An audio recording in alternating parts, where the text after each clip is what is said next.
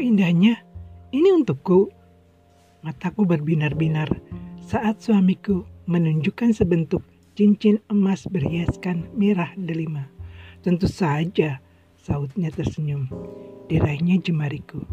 Dia mengenyitkan dahi kala cincin tersebut tak muat, bahkan di seluruh jemariku. Padahal aku memesannya khusus untukmu.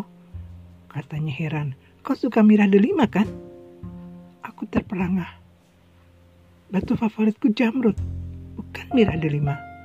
Ku teliti cincin itu. Ukurannya kecil sekali. Di dalamnya tergrafir tulisan Weni. Namaku Rina. Flash fiction berjudul Selingkuh. Dikutip dari Writing Revolution 09 blogspot.com